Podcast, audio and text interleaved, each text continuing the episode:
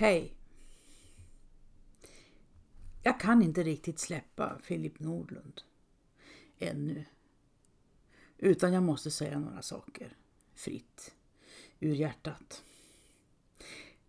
Det är inte min uppgift att fördöma eller döma. Men det hindrar inte att jag gör egna reflektioner. När jag tittat på fotona som föreställer Filip Nordlund utgår jag ifrån att de är tagna i ett fängelse. Filip ser välmående ut. Ångestfri. Han ser till och med nästan glad ut. Ett litet leende finns i mungiporna.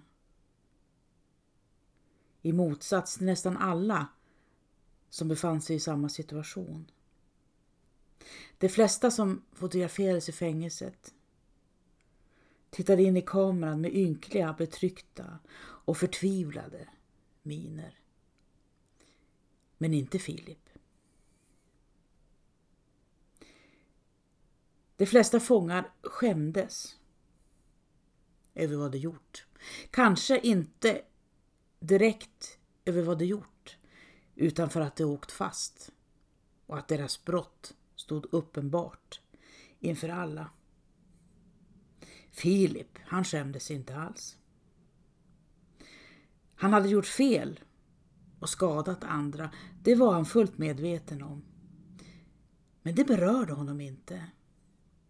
Och absolut inte på djupet. Tvärtom. Han verkar till och med ha njutit av vissa av sina tilltag. Han ville hämnas, sa han till slut.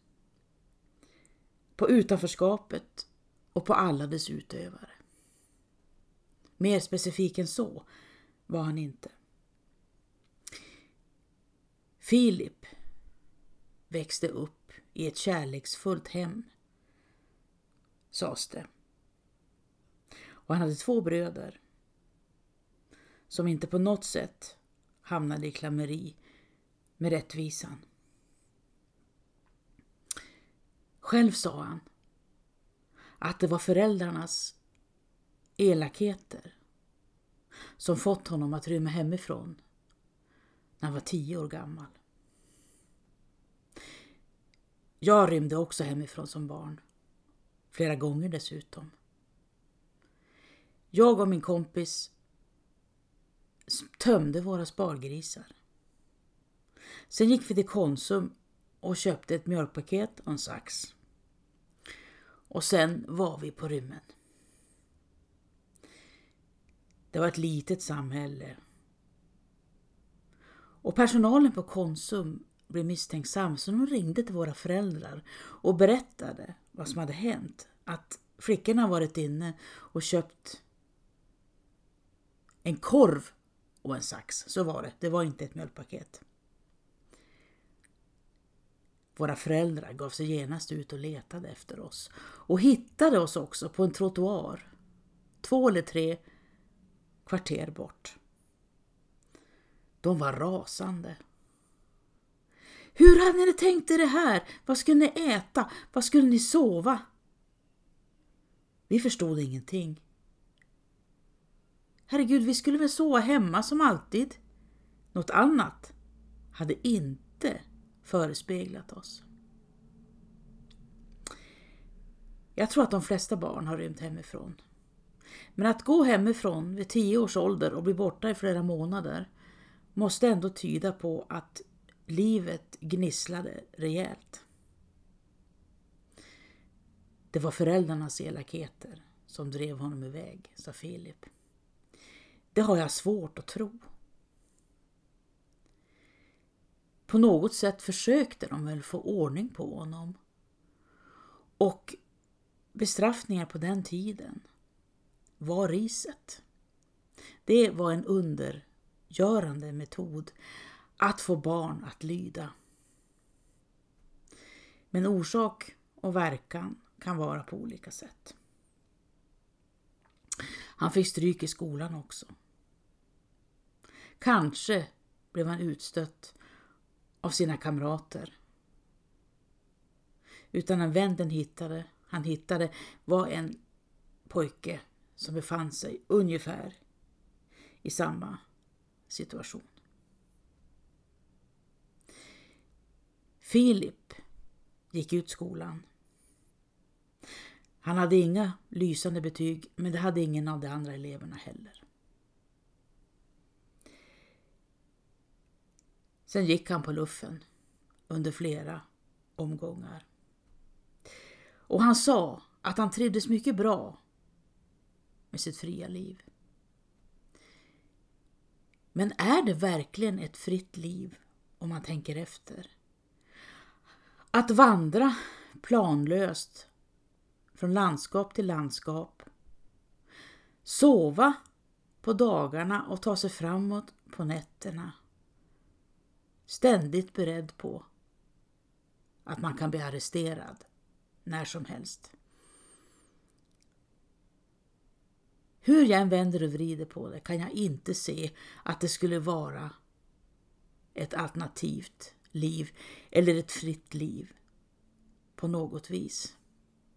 Och kanske är det därför han ler lite grann att det ändå var aningen skönt att bli gripen och komma till fängelset. Och i fängelset uppförde han sig väl. Han blev nästan som den lydiga skolpojke han skulle ha varit i skolan och arbetade och följde regler. Han till och med kontaktade en person i Malmö fängelse som han fått förtroende för och berättade hur det gick för honom efter tiden i fängelset. Hur absurt det än låter så blev han också sedd i fängelset. Han fick kanske en klapp på axeln, några ord till stöd.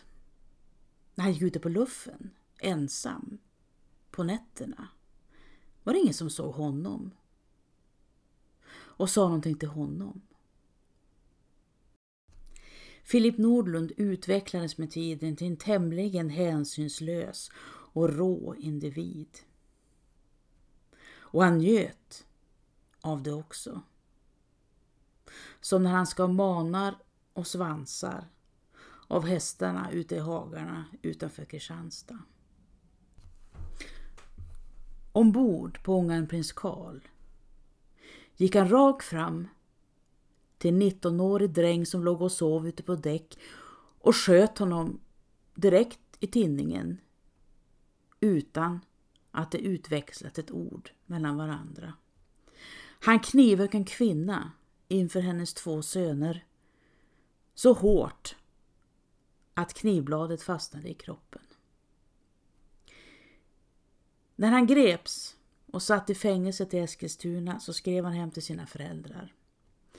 Han hade behov av att lätta sitt hjärta för några som verkligen älskade honom. Han hade behov.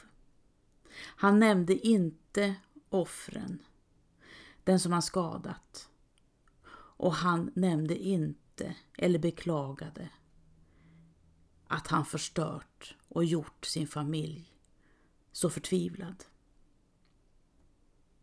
Utan det han skrev om, det var att han skulle bli dömd till döden och att han var nöjd med det.